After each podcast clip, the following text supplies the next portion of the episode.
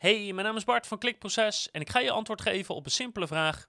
Kan je UTM-tags gebruiken in je linkbuilding campagne? Welkom bij Klikproces met informatie voor betere rankings, meer bezoekers en een hogere omzet. Elke werkdag praktisch advies voor meer organische groei via SEO, CRO, YouTube en Voice. Ik kreeg deze week de- deze vraag via LinkedIn. Eh, hey Bart, Ehm, ik ben bezig met een linkbuilding campagne. Kan ik dan UTM-tags toevoegen aan de linkbuilding URL, zodat ik kan meten of er verkeer komt vanuit bepaalde pagina's bijvoorbeeld? 1. Ja, dat kan.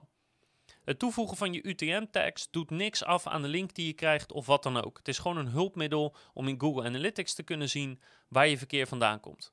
Dus voel je vrij om eh, de linken die je opstuurt, of dat nou in een artikel is wat online komt, of in een gastblog, of eh, in de mail die je verstuurt, om daar je UTM-tag aan toe te voegen om zo goed mogelijk te meten waar bezoekers vandaan komen. Weet wel dat Google Analytics al standaard, in elk geval vanuit verschillende websites of platformen, al bijhoudt waar die bezoeker vandaan komt. Dus in Google Analytics krijg je normaal gesproken al te zien bij het, referrals, het, het verwijzingen eh, eh, overzicht, vanuit welke websites bezoekers zijn gekomen naar jouw site. Wat zo'n UTM-tag kan toevoegen, is dat je bijvoorbeeld ook kan zien als bezoekers komen uit een mail die jij verstuurt of die namens jou verstuurd is.